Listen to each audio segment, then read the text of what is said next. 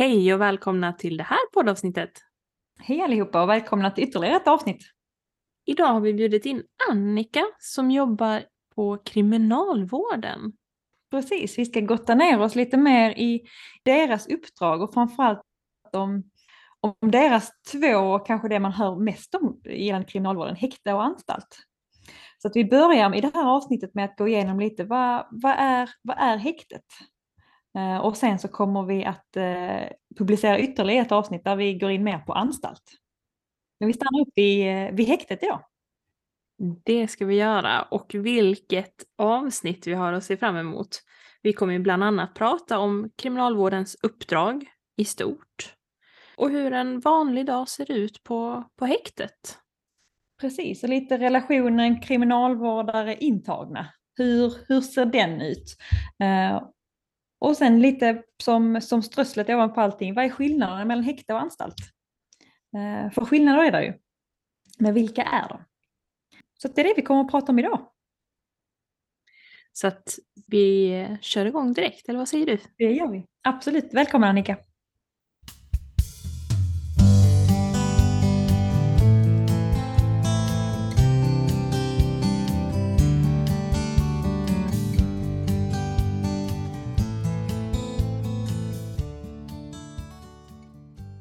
Så vem är du och vad jobbar du med? Eh, jag heter Annika Barkan Frey och jag arbetar som kriminalvårdsinspektör på VO Tygelsjö och förändringsledare för Region Syd. Mm. Kriminalvårdsinspektör är som första linjens chef. Och hur länge har du varit där och hur länge har du varit inom kriminalvården? Jag har, varit, jag har en ganska lång bakgrund i kriminalvården. Jag började 2004 och då började jag på anstalten Ystad som kriminalvårdare. Jag skulle bara stanna en månad hade jag tänkt och sen skulle jag börja studera eh, igen. Men jag trivdes så fantastiskt bra med jobbet så jag stannade kvar och på den vägen är det. Mm. Eh, jag har jobbat i anstalt och jag har jobbat i häkte. Och jag har jobbat på säkerhetshäktet i Malmö och nu jobbar jag öppenplacer med öppenplacerade klienter eh, på en klass 3-anstalt. Och VO Tygelsjö har två stycken anstalter på sitt VO. Det är anstalten Ringsjön och anstalten Tygelsjö. Ringsjön är en anstalt för kvinnor och anstalten Tygelsjö är en anstalt för män. Okej, okay. och vad innebär VO? Verksamhetsområde så att säga. Mm. Mm. Ja. Och idag så är vi här för att prata lite om om häkte mm. och vad det innebär där och, och så här. Eh, men jag tänker för att vi liksom ska, ska göra det enkelt för oss.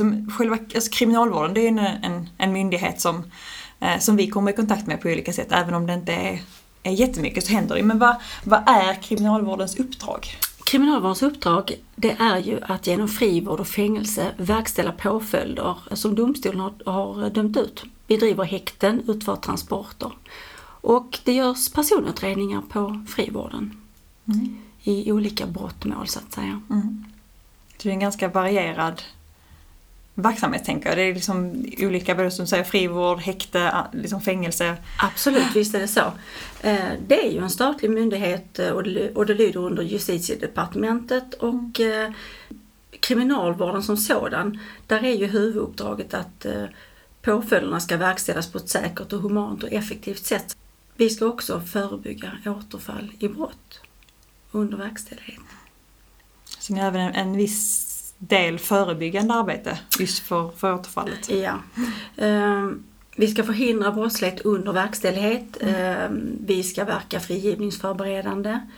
Uh, vi jobbar för att bekämpa narkotikamissbruk under verkställighet. Och vi uh, anpassar verkställigheten efter varje individs behov. Mm. Och på det här med, med humant som du nämnde, att det ska ju vara Ja, ehm, vi har ju en etisk kod och eh, det är ju viktigt eh, i anställningsprocessen när vi anställer våra kriminalvårdare att vi anställer eh, människor som delar våran syn på den etiska koden och vår värdegrund. Men också delar synen på att människor kan förändras. Mm. Mm. Att man inte är sitt brott utan att man faktiskt kan förändras under tiden man verkställer. Mm. mm. Jag tänker, vad, i det här ganska stora uppdraget, eh, du pratar om att ni har häkten och, eh, och ska verkställa domar och liknande. Vad är, vad är det här uppdraget som kriminalvården har, är det som häktet uppfyller?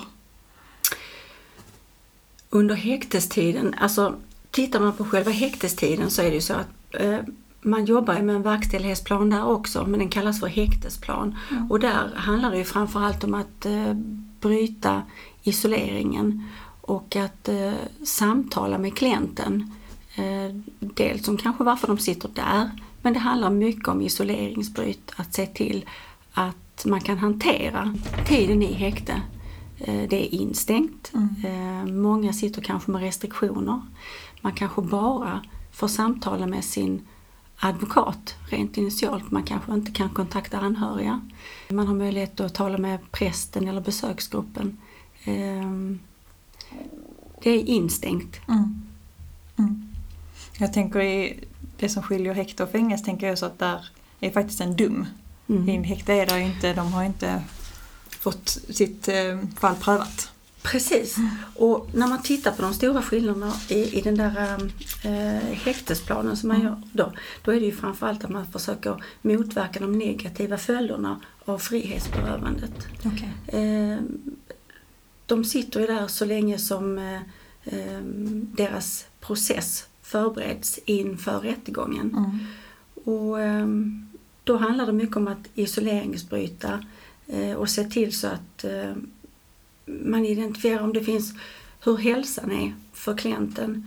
Eh, och se till så att man får sjukvård och eh, att man kanske i den mån man nu vill och i den utsträckning man vill, att man håller kontakten med sådana grupper som till exempel Röda Korset som finns där, prästen finns där. Mm. Eh, är det unga klienter så har, de, har vi en skyldighet att se till att de går i skolan, Mm. eh, i lärcentrum. Mm. Mm.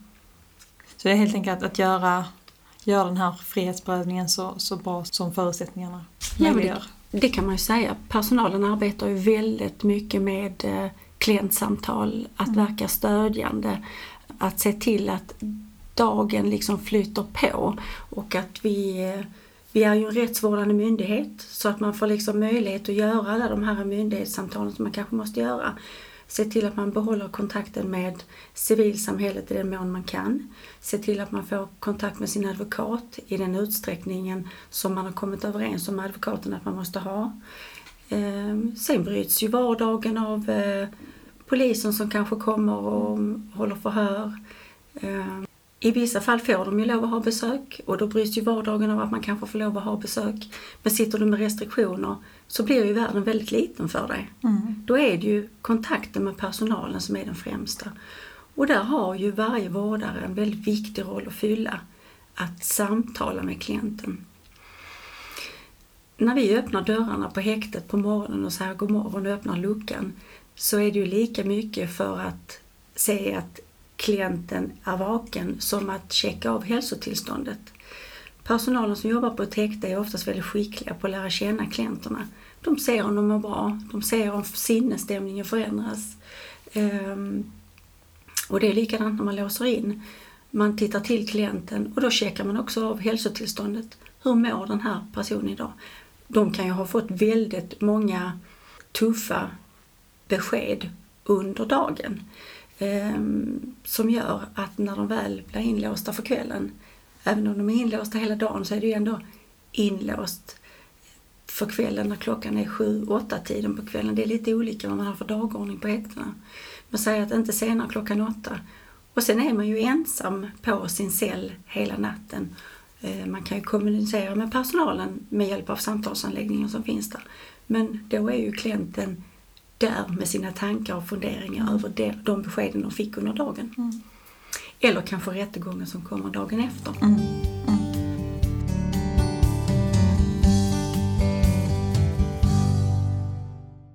Och du pratar om, om, om restriktioner, vad, vad innebär det? På en anstalt så kan man ha kontakt med anhöriga genom telefon och eh, besök. Sitter man med restriktioner på ett häkte så kanske man inte får lov initialt att ha kontakt med sin familj. Man kan inte ringa sin familj, man kan kanske inte ens skriva brev, man kanske inte kan titta på TV eller lyssna på radio. Man kanske bara har kontakt med personalen på häktet och sin advokat. Och de utredande funktionerna i ärend- ärendet Mm. så att säga. Mm. Eh, Sen allt eftersom processen eh, rullar på och man kanske inte ser en risk att den häktade ska förstöra utredningen så kanske man lättar och då kanske man fattar beslut om att eh, restriktionerna ska hävas. Och då kan man ju kanske få lov att ta emot besök och få lov att ringa eh, hem. Mm. Unga personer har ju möjlighet att hålla kontakt med anhöriga ändå genom eh, besök tillsammans med utredaren till exempel. Och så kan man då få lov att ha ett övervakat besök som isoleringsbryt. Mm. Så är de under 18 eller är det, är det även över 18 i sådana fall? Unga vuxna, eh, 15 till 20 åtminstone. Mm. Eh, man kan ju bli häktad eh, så ung också. Det, det är fullt möjligt. Jag vet inte just nu hur pass vanligt det egentligen är, Mm. men visst förekommer det. Och då kan de få de eh, restriktionsbrytande besöken till exempel. Eh, ända upp till 20. Vi jobbar ju eh, isoleringsbrytande med alla Mm. våra klienter. Men det finns ju ett särskilt ungdomsuppdrag Ja. och man jobbar särskilt isoleringsbrytande med ungdomarna. Förlåt, isolering. Ja, mm. Ja, Ja. det gör man. Och då är det då eh, föräldrarna till exempel som kan, kan komma dit med utredare. Ja, Mm. eh, ja, när vi tänker isoleringsbryt så tänker vi ju främst att vi försöker aktivera dem under häktestiden. Och då aktiverar man dem till exempel med att personalen kanske tränar tillsammans med dem, man kanske spelar bordtennis, man ser till så att de får gå i skolan. Mm. Eh, Man försöker aktivera dem på de här sätten så de kommer ur eh, sitt bostadsrum, sin cell. Mm. Sen är det ju en lagstadgad rätt till en timmes promenad och det är ju också ett isoleringsbryt. Men när man är så ung så behöver man ju den mellan- mellanmänskliga kontakten. Ja. Och då är det ju väldigt viktigt att personalen finns där och fångar upp dem. Mm. Och ser till så att man ser att de mår bra. Eh, Man pratar med dem, man diskuterar kanske rättsprocessen. Man kanske pratar om varför de är där. Eh, Det försöker vi ju alltid göra. En del vill prata, andra vill inte prata om det. Mm. Finns det som ett stöd. Det finns en podd där man säger vi torkar tårar och låser in. Och så är det ju faktiskt. Vi torkar tårar på, på unga som gråter och vi låser in. Mm. Ehm, Så kriminalvårdens roll på häktet den är ju ganska så bred. Alltifrån de här väldigt unga som behöver mycket tillsyn, som behöver mycket samtal, till de som är äldre, som kanske är återkommande, som hanterar sin häktestid på ett helt annat sätt Mm. och kan eh, hantera isoleringen ehm, för att de kanske har varit i den situationen tidigare. Mm. Men för många är detta kanske första gången som de är isolerade på detta sättet och inte har någon kontakt med omvärlden.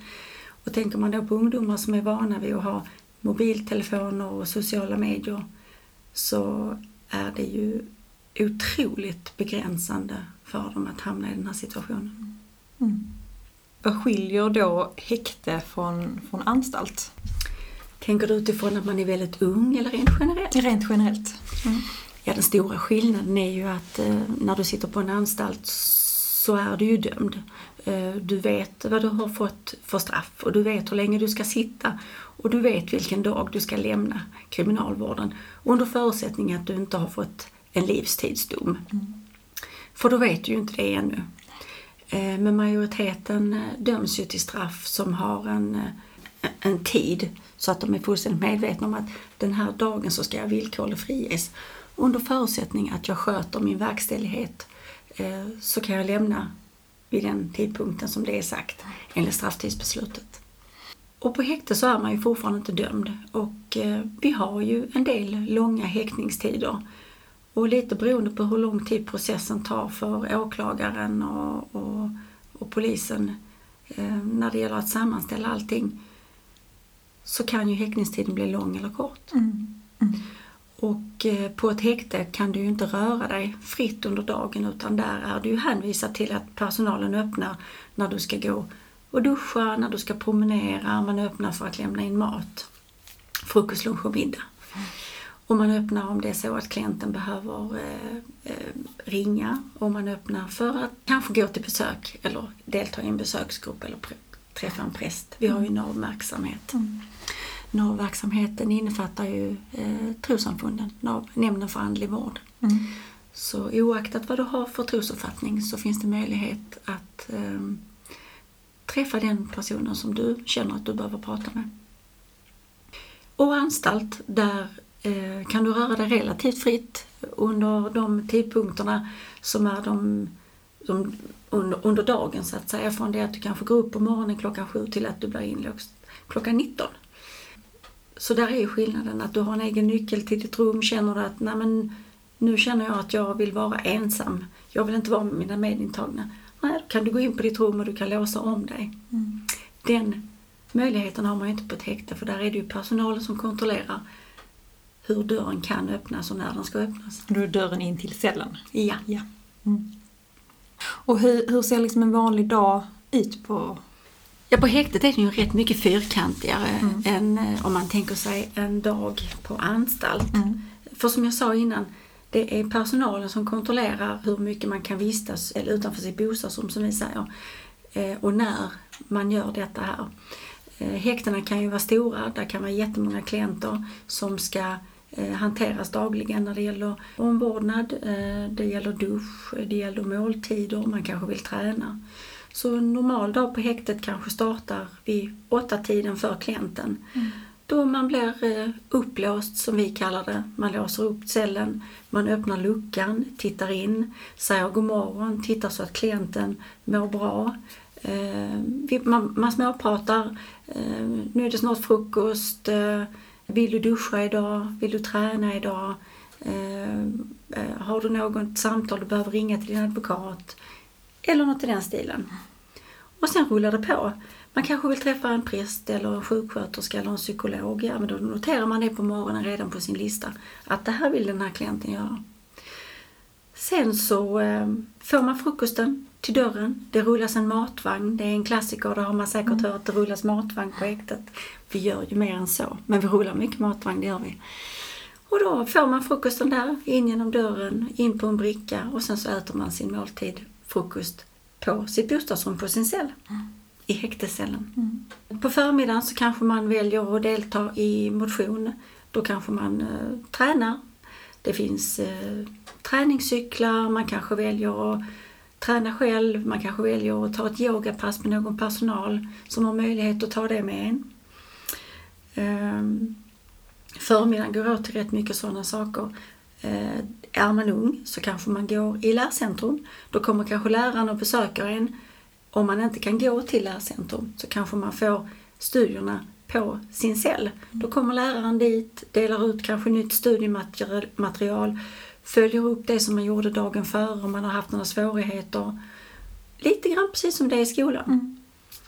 Och har man då möjlighet så man inte har restriktioner eller det är så att man bestämmer att de här klienterna kan inte påverka varandras utredningar och de kan få lov att träffas i lärcentrum. Då kanske de får sitta tillsammans med läraren i lärcentrum. Och det är också en form av ett isoleringsbryt, att komma ur sin cell, få lämna för att gå till lärcentrum. Mm.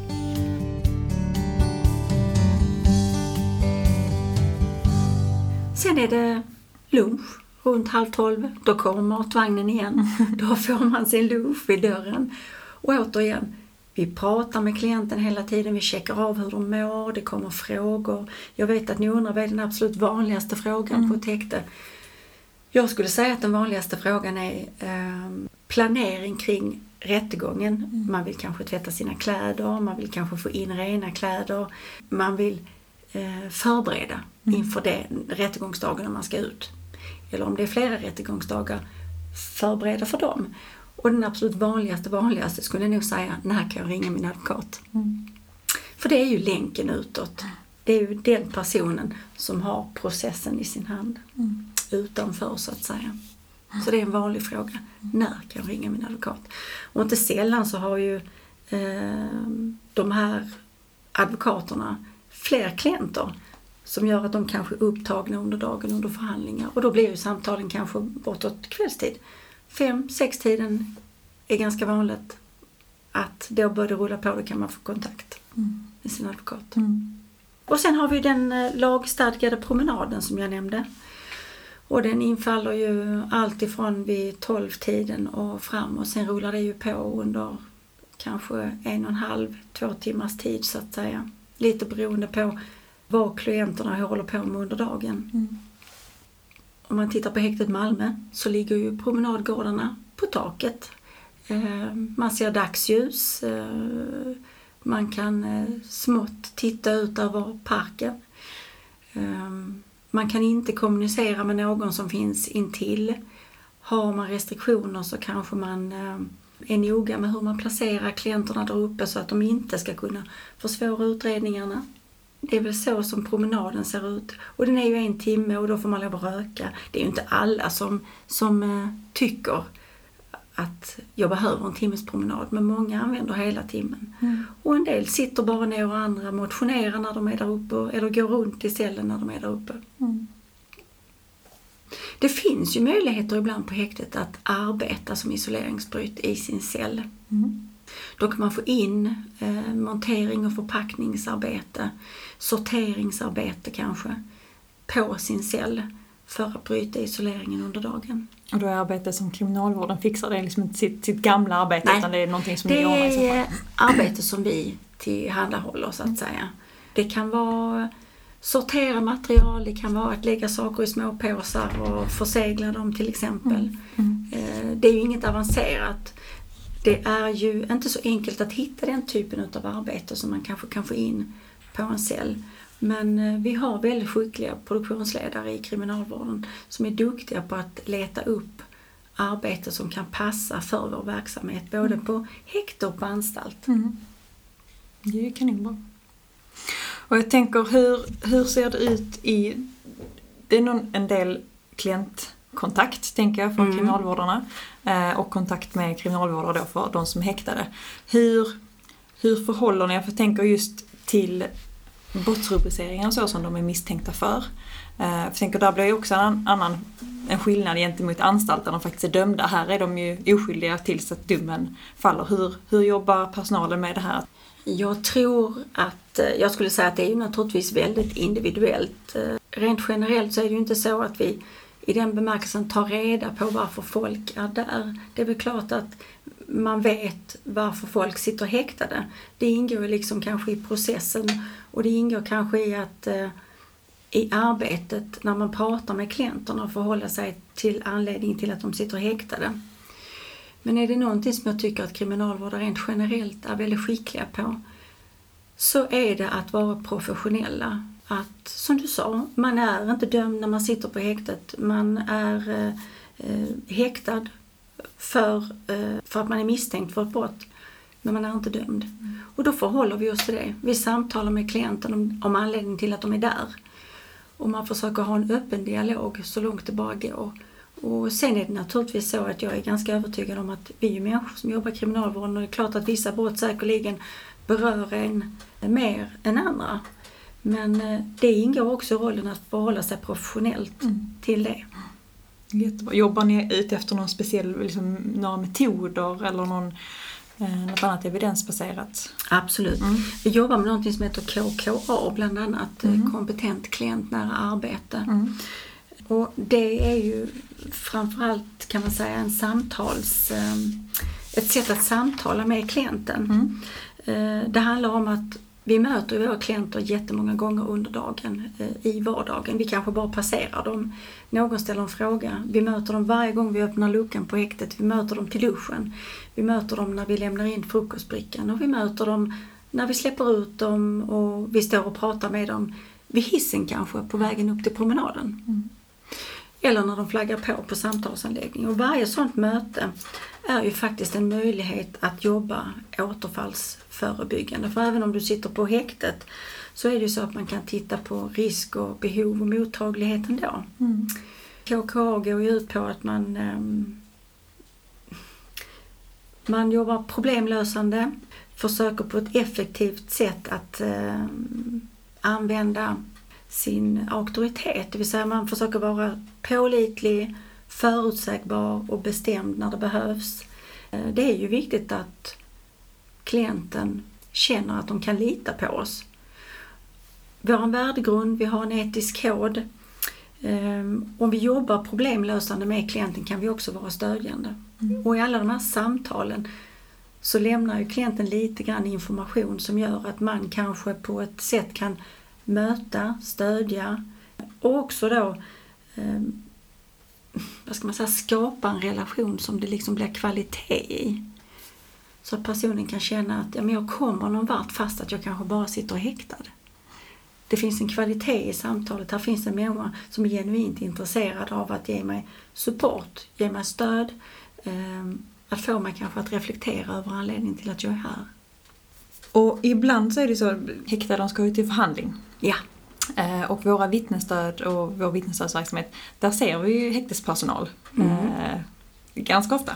Eh, och hur, hur, liksom, hur ser det arbetet ut under en förhandlingsdag? För att där är ju x antal häktesanställda per eh, intagen och hur, hur, eh, hur ser en sån dag ut? Det är ju lite skillnad på vilken sorts häkte det är. Mm. Tänker man på häktet Malmö som är ett restriktionshäkte, där lämnar inte häktespersonalen för att följa med på en förhandling. Eh, Utan där är det den nationella transporttjänsten, det vi kallar för NTE, som ombesörjer transporterna. Mm. Då kommer de till häktet, eh, hämtar ut klienten som då liksom är förberedd för förhandling, har kanske med sig sina papper, har bytt om, de flesta vill åka och vara civilklädda på en rättegång. Eh, det finns några som väljer att åka i häkteskläder men de flesta byter om. Mm. Då sköter eh, NTS personal om transporten till eh, domstolsförhandlingen. Om det är tingsrätt eller det är hovrätt oaktat så sköter de den transporten. De är minst lika skickliga på det där samtalet som kriminalvårdarna på häktet eller på en anstalt. De sitter i den här lilla bilen och har ganska långa transporter med våra klienter. Mm. Hinner prata väldigt mycket eh, och har god samtalsmetodik för att hantera våra klienter under de sinnesstämningarna som kan uppstå för en klient som är i processen på väg till rättegång, eh, har inte fått sin dom, lång förhandling och väntar på dom. Rollen som de har om de jobbar på ett häkte som eh, sköter sina transporter själva. Där följer då kriminalvårdare med som transportpersonal och har samma roll som NT så att säga. Skillnaden är att man kanske på dagarna arbetar med den här klienten också och delar av tjänsten kanske man ingår i transportteamet.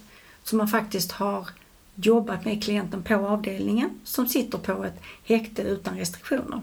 Det finns ju gemensamhetshäkten som fungerar lite grann som eh, Eh, anstalt kan man säga. Det är samma öppenhet i det så att säga. Och då är det ju så att då har man ju haft kontakt ganska mycket med klienten, lärt känna klienten, vet ungefär var den är i processen, känner till styrkor och svagheter och vet ungefär hur de mår.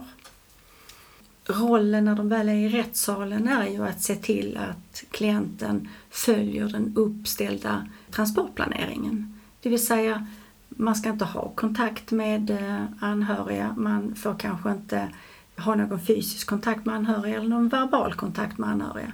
Man kanske bara ska prata med sin advokat.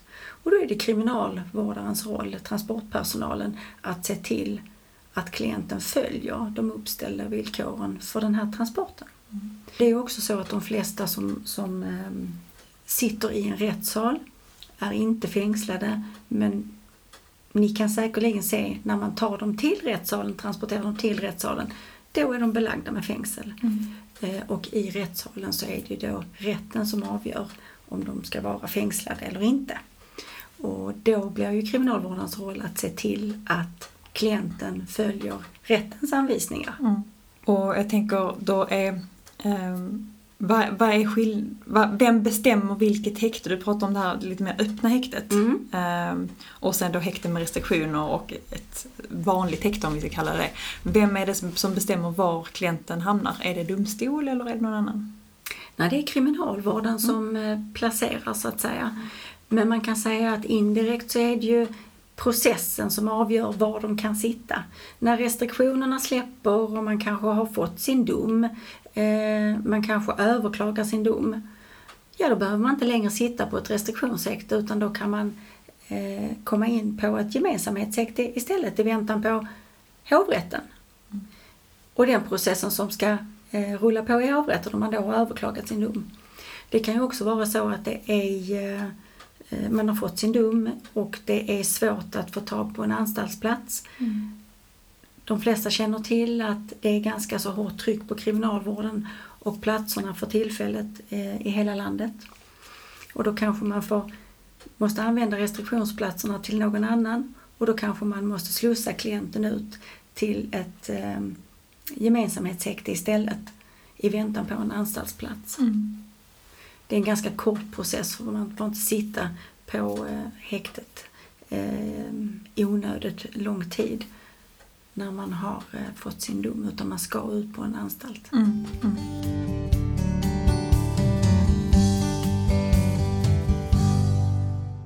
Vi har pratat lite vad som är skillnad och så på, på häkte och anstalt. Vad skulle du säga är den största skillnaden för personalen som jobbar på häktena? Eh, kontra de som jobbar på anstalt? Jag tror att eh, den största skillnaden nog är, är rätt lik den som det är för klienten. Mm. Att på anstalten är det väldigt öppet. Man har helt andra möjligheter att kommunicera med klienten, att interagera med klienten. Och då gäller det både samtal, eh, slussningar, man har långa eh, man kanske slussar till sysselsättning, man slussar till skola, man slussar till tandvård. Det finns mycket tid då man rör sig tillsammans med klienterna och är med dem i populationen så att säga, i vardagen. Mm. Och då utvecklas ju en helt annan relation. Mm. Medan på häktet så är det så att personalen kanske mestadels umgås med personal. Och när, när klienterna kommer ur sin cell så att säga, då är det oftast när man ska transportera. De är väldigt skickliga på samtalet på häktet. Det är ju den stora skillnaden där att de har ju en kortare tidsram att samtala med klienten. Och de är snabba på att läsa av. Jag tror att det är den stora skillnaden. De har vetat att det är den här korta tidsintervallen. Nu passar jag på att prata, checka av hur mår den här personen.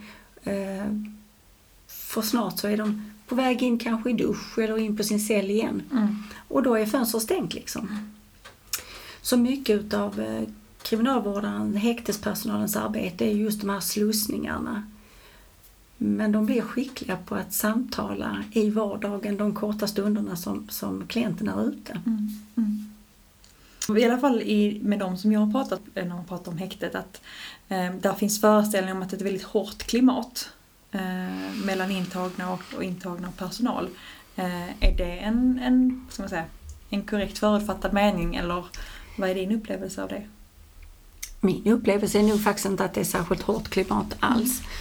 Eh, Det är klart att det finns eh, personer som är häktade som har eh, våldskapital, som kanske är stökiga, som kanske har ett självskadebeteende. Det förekommer ju naturligtvis. Och då blir det ju ett annat sätt att arbeta på än med de som man faktiskt kan föra ett samtal med. Vi har olika avdelningar på häktet ehm, för att kunna differentiera innanför väggarna så att säga, när det behövs. Mm. Men jag tror rent generellt att det är en rätt så fin öppenhet på häktet trots den slutna arbetsmiljön som det faktiskt är. Mm.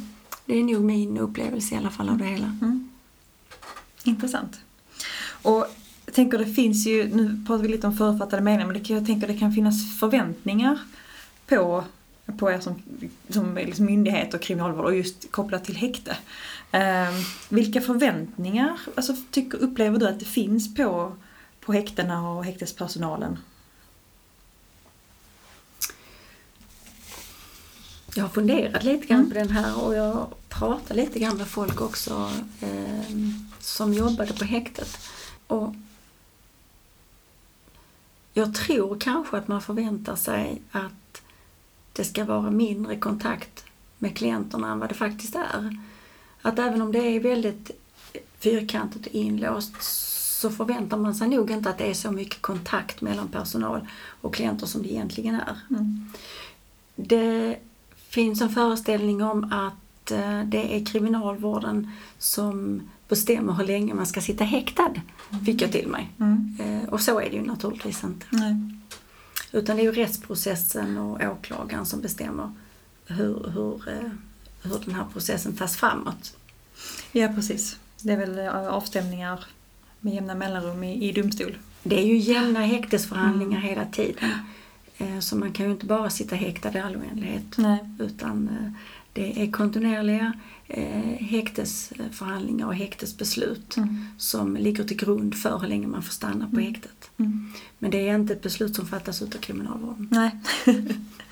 Nej, och det går väl kanske lite i, in på min nästa fråga. Alltså, vad upplever du, om man då tittar på kriminalvården i stort, vad upplever du är för liksom myter eller så som, som du skulle vilja slå hål på som du tycker du upplever när du träffar människor?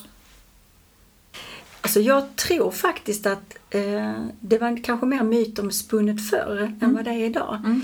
Jag tror att kriminalvården har jobbat väldigt mycket på eh, transparens. Och jag tror att vår hemsida, eh, kriminalvarden.se, har gjort väldigt mycket för att eh, slå hål på en del myter. Det finns väldigt mycket fin information på vår hemsida för både eh, anhöriga ehm, till klienter som sitter häktade eller som sitter på anstalt. Den riktar sig ju till barn, den riktar sig till brottsoffer. Och där kan man ju då se hur dagarna på både häkte och anstalt fungerar.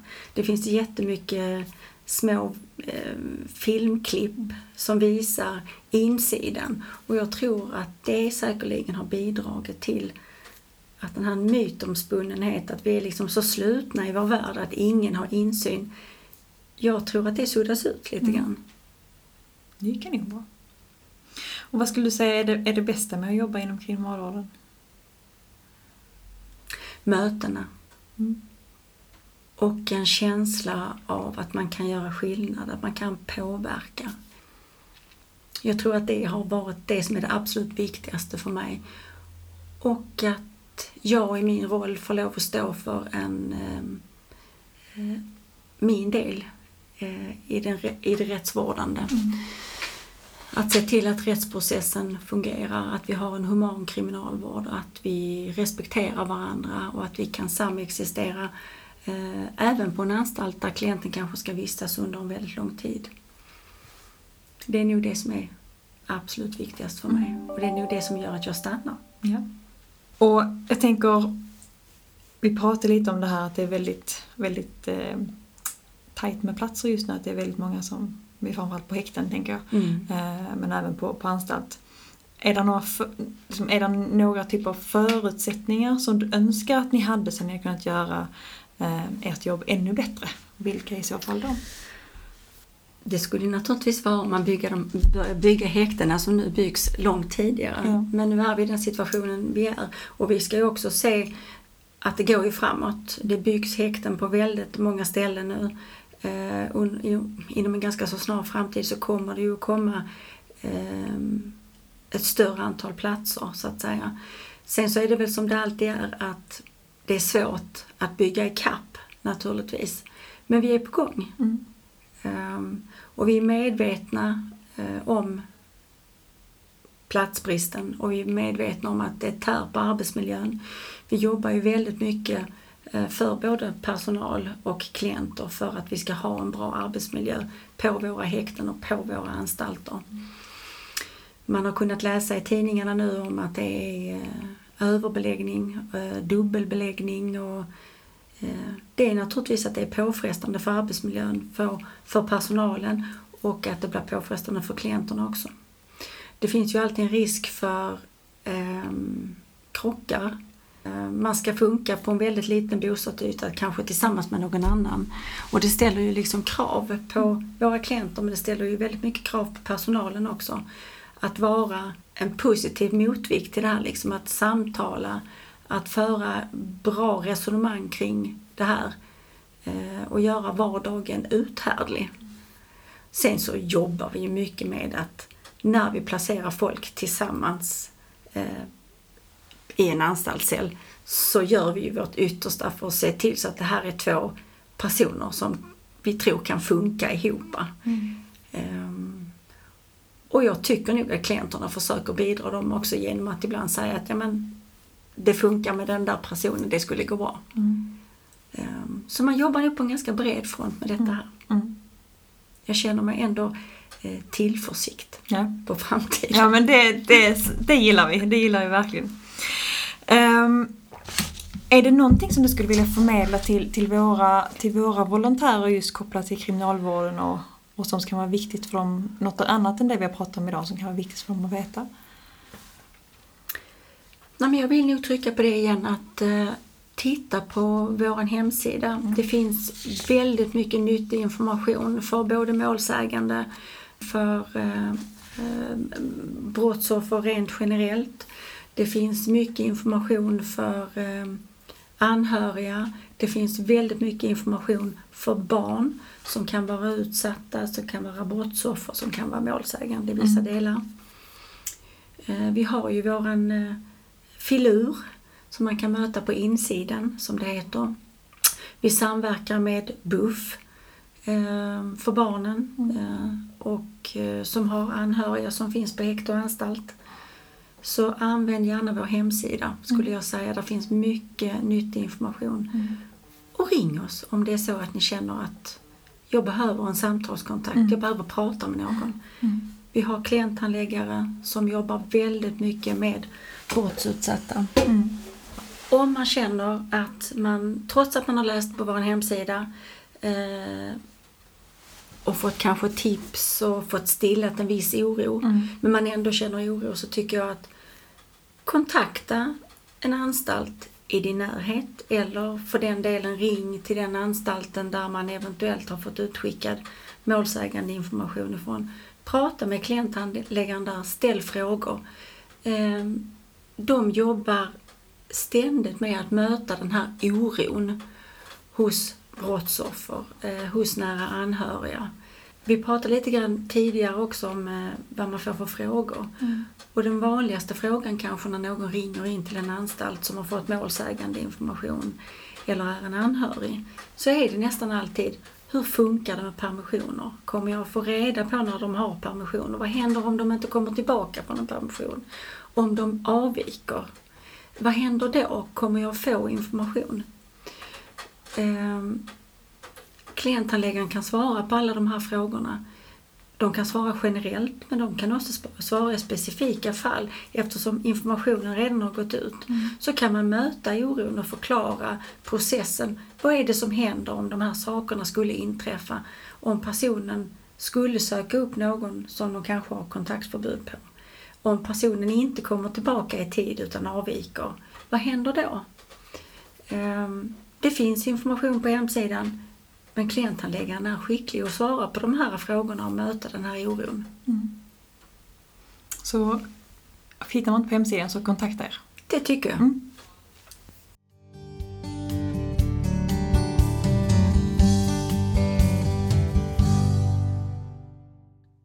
Då tackar vi Annika så mycket för, för det här avsnittet. Det första i vår eh, tvådels eh, avsnittssläpp gällande kriminalvården om häkte och anstalt. Det var ju ett, ett matnyttigt avsnitt, eller vad säger du Jenny? Ja, verkligen. Alltså jag har lärt mig så, så mycket. Och Annika är ju så kunnig om, om allting vad, vad gäller kriminalvården så att eh, ja, jag är super, super nöjd. Men om vi ska, ska plocka några saker så kriminalvården, de jobbar ju, det är en statlig myndighet och de jobbar ju för att, att verkställa påföljderna eh, och Mm. att det ska vara säkert, humant och effektivt. Ehm, så att det, det är ju inte en beslutande myndighet för det är ju domstolen som beslutar. Och sen så Exakt, att kriminalvården som Ja, och sen så verkställer själva, själva kriminalvården. Förutom verkställa påföljderna så ska de ju också förebygga återfall i brottslighet, eh, motverka missbruk under verkställigheten och, och jobba frigivningsförberedande på olika sätt. Mm. Det är många, många delar i deras uppdrag som, jag ska inte säga att det är helt nytt för mig, men det, är- det är kanske inte det man tänker i första hand på. Jag tänker det här med, med förebyggande och motverka missbruk och liknande. Det kan inte det man tänker på det första man gör när man ska ha en, en snabb uppfattning om kriminalvården. Jag tyckte också det var, var bra att höra att, att då den här etiska koden som de anställda ska, ska jobba efter, att, att det finns liksom en person bakom varje brott och att, att man kan förändras under sin verkställighet. Jag tror att det är, det är en viktig del för att de ska kunna uppnå sitt uppdrag så att säga. Ja men verkligen och just det här att de anpassar utifrån den individuella behovet liksom hos den intagne. Och att man kan, kan bli sedd och förstådd på det sättet. Um. Jag tänker också det här med, med häkte, det här att man kan sitta med och utan restriktioner. Mm. Eh, och häkte är liksom speciellt eftersom där sitter du, du är inte dömd för någonting. Ehm, utan du kan ju sitta där, du sitter där på obestämd tid. Egentligen. Ehm, och då sitta med, med restriktioner där du inte får kontakt med någon, inte familj, inte, men ändå du har kontakt med personal, då utredarna och, eh, och din advokat. Det blir ju väldigt isolerat och, eh, och instängt på något sätt. Mm. Ja, för det är ju en av skillnaderna där med just att vara på en anstalt. Där är det ju mycket mer öppet. Du är ju inte beroende av en kriminalvårdare på det sättet som öppnar och stänger och, och så, utan du kan ju lite mer fritt välja om du vill vara i ett uppehållsrum eller på ditt rum eller så. Men mm. är du på ett häkte så är det ju stängt och låst på ett helt annat sätt och framförallt som du säger Emily, alltså just med restriktioner, då är du ju verkligen beroende av, av en kriminalvårdare. Och det var också någonting jag tänker som Annika ville slå på hål på. Alltså, det är klart att är du i häktet så är du, det är, liksom, det är väldigt isolerat och du blir väldigt beroende av, av kriminalvårdarna. Men att kriminalvårdarna enligt Annika har ju mer kontakt med de intagna än, än vad gemene man kanske kan tro. Vilket eh, känns skönt. Att det inte blir liksom inte helt isolerat utan där är någon form av mänsklig kontakt. Ja, som sagt, det här eh, avsnittet är ju fullproppat med värdefull information. Men är det så att ni är mer nyfikna på vad som kan ske i ett häkte eller vill, vill läsa mer, dyka ner i den här världen så har ju Kriminalvården en fantastisk hemsida. Ja, verkligen med Youtube-videos, insidan från häktet om man vill se hur det kan se ut, eh, anstalter och liknande. Den är, den är verkligen guld. Så det rekommenderar vi lika mycket som Annika rekommenderade. Det gör vi. Tack så jättemycket för att ni har lyssnat. Och nästa avsnitt här kommer vi dyka djupare ner i hur det ser ut på en anstalt. Hoppas att ni är med oss även då.